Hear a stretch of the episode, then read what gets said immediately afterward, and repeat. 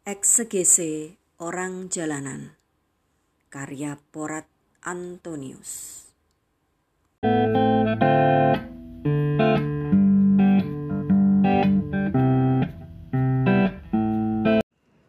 Minggu biasa ke-26 tahun liturgi A. Manusia di dunia ini ada yang bersifat egois dan ada pula yang bersifat altruis. Yang egois melihat diri lebih penting dari orang lain. Orang lain diperlukan sekedar untuk menggenapi diri yang penting di tengah orang lain. Yang altruis akan sebaliknya tidak melihat diri lebih penting dari orang lain, minimal melihat orang lain sama pentingnya dengan dirinya sendiri. Dalam situasi tertentu, yang altruis melupakan dirinya, melupakan kebenarannya, dan berkorban demi orang lain. Bagi orang altruis, dalam situasi tertentu, orang lain lebih penting dari dirinya sendiri. Bacaan pada hari Minggu ini mengingatkan orang beriman untuk mengambil posisi yang bijak dalam menempatkan diri terhadap orang lain. Dalam bacaan pertama, orang egois itu disebut sebagai orang fasik. Bagi orang fasik, tindakan Tuhan itu tidak tepat. Yang tepat adalah tindakan mereka sendiri yang sesuai dengan kepentingan mereka sendiri. Yeskiel mengajak mereka untuk bertobat menjadi orang benar. Semua yang baik dan benar tersedia pada Allah. Ketiga bacaan pada hari Minggu ini secara bersama-sama mewartakan kasih Tuhan. Tuhan dengan kasihnya mengajak semua manusia mengalami kerajaan Allah.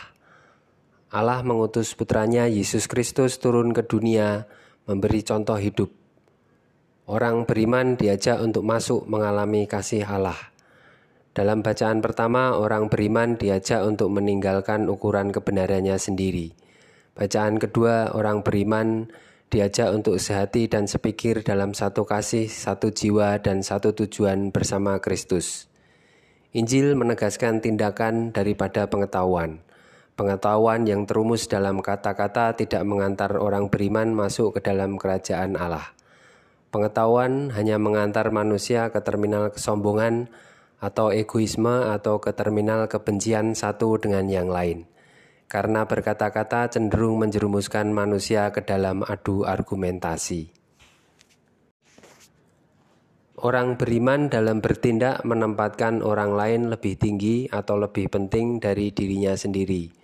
Nanti orang lain juga memperlakukannya demikian. Itulah satu jiwa dan satu tujuan.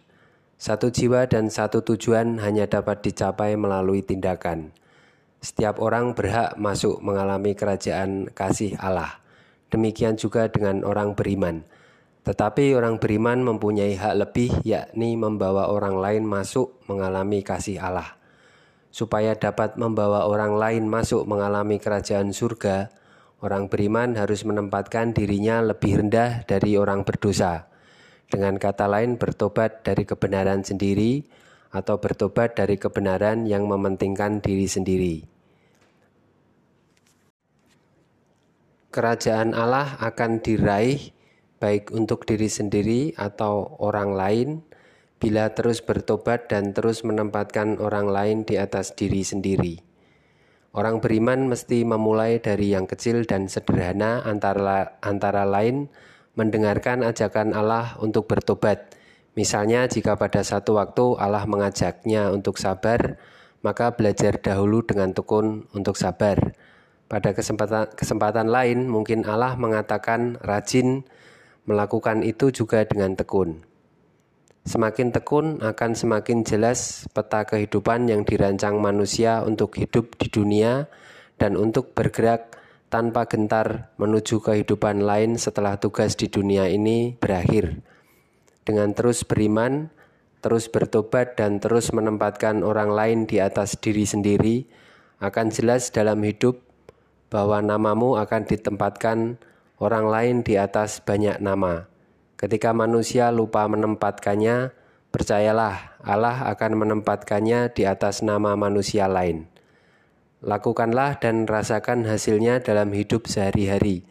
Yang menghormati orang lain akan dihormati, yang membenci orang lain akan dibenci. Allah hadir untuk menambah dan terus memberikan yang tidak dapat dilakukan manusia pada waktu yang ditetapkan Allah sendiri.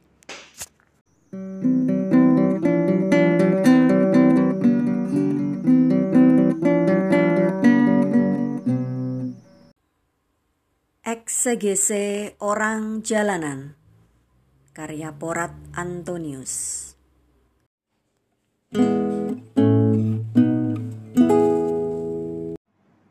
Minggu biasa ke-27 tahun liturgi A. Minggu biasa ke-27 tahun liturgi A. Minggu biasa ke-27 tahun liturgi A.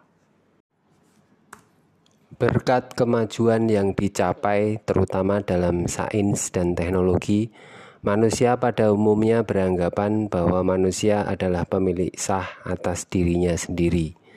Setiap manusia berhak secara absolut atas dirinya sendiri.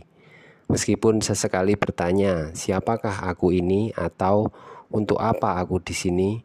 tetapi manusia tetap teguh berpandangan bahwa ia adalah pemilik sah atas dirinya sendiri. Demikian juga atas bumi pada mulanya bumi ini disebut sebagai bumi tak bertuan. Setiap manusia berhak untuk tinggal di mana saja dan berhak menggarap bumi untuk hidupnya tanpa manusia lain yang mempersoalkan. Sekarang tidak lagi demikian. Bumi sudah dimiliki dan dikuasai manusia. Di kantor pertanahan penuh dokumen informasi kepemilikan. Bacaan pada minggu ini mengangkat sisi lain bahwa diri manusia bukanlah miliknya sendiri. Demikian juga dengan bumi bukan milik manusia. Diri manusia dan bumi adalah milik Allah. Manusia hanyalah penggarap atau pemegang hak guna usaha dalam istilah manusia modern. Cukup banyak manusia yang menyadari bahwa pemilik sah atas dunia adalah Allah sendiri. Sayangnya pandangan ini tidak mendapat porsi perhatian yang berarti karena terbawa arus pandangan dunia yang beranggapan sebaliknya, yakni bahwa diri manusia dan bumi adalah milik manusia. Hewan pun akhirnya dilarang hidup.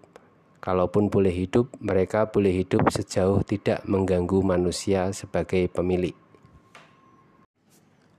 Paulus mengingatkan jemaat di Filipi bahwa pemilik hidup adalah Allah. Karena manusia bukan pemilik, maka manusia tidak beralasan untuk khawatir.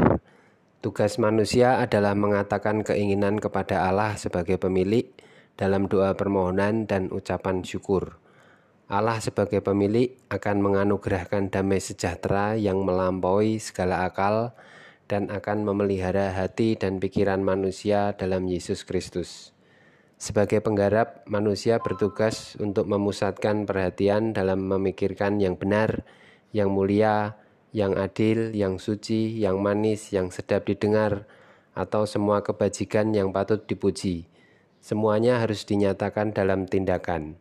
Bila semuanya itu dilakukan dengan tekun, maka Allah sebagai sumber damai sejahtera akan menyertai manusia. Injil menggambarkan dan mengungkapkan bahwa Allah sebagai pemilik berhak memberi dan mengambil dari manusia Ditunjukkan pula dalam Injil bahwa Allah tetap setia sebagai pemilik dan setia menunjukkan kasihnya agar kasih itu menghasilkan buah kerajaannya di dunia. Sebagai penggarap, tugas manusia adalah pertama, memelihara dan menanam anggur yang berbuah manis, yakni keadilan, kedamaian, atau yang mulia lainnya.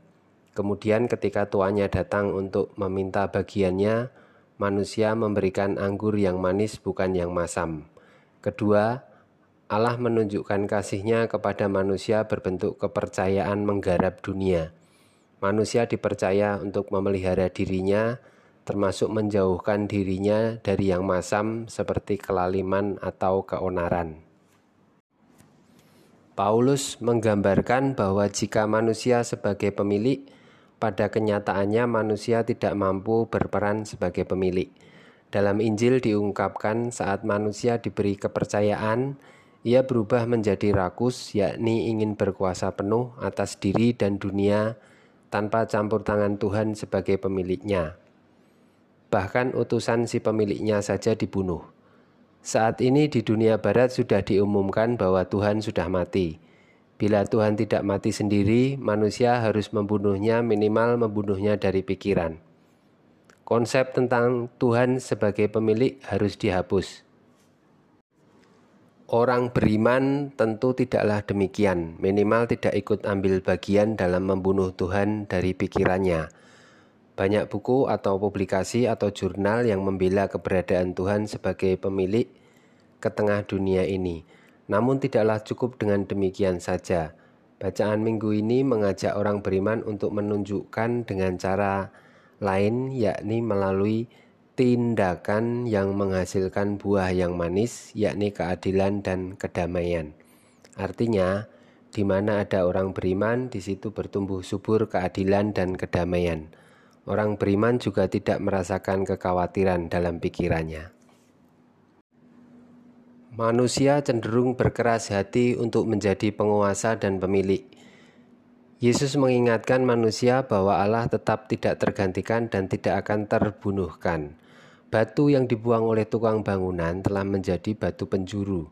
Artinya yang ditolak di suatu tempat atau dalam situasi tertentu itu nanti akan dipakai Allah sebagai kekuatan baru yang bertumbuh dan berkembang di tempat lain.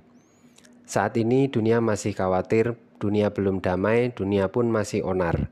Demikian dengan demikian, orang akan berkesimpulan bahwa Allah sudah mati. Bagi orang beriman, tidak perlu melawan kesimpulan itu dengan kata-kata. Cukup bertindak dengan adil, damai, bijaksana, dan tidak khawatir akan hidup. Damai sejahtera tidak harus dalam arti dunia secara keseluruhan. Damai sejahtera itu cukup dirasakan oleh diri sendiri, keluarga, atau di antara sahabat, handai tolan, dan dalam kehidupan sehari-hari. Ketika dunia di luar onar dan tidak damai, berjuanglah untuk membawa damai itu keluar. Ketika manusia berjuang dan sibuk dengan hal itu, yakni damai sejahtera, Allah akan menambahkannya tanpa manusia tahu. Lakukanlah semua itu dan rasakan damai dan keadilan dalam hidup. Percayalah, Allah sebagai pemilik melakukan semua ini bukan untuk Allah sendiri, melainkan untuk manusia.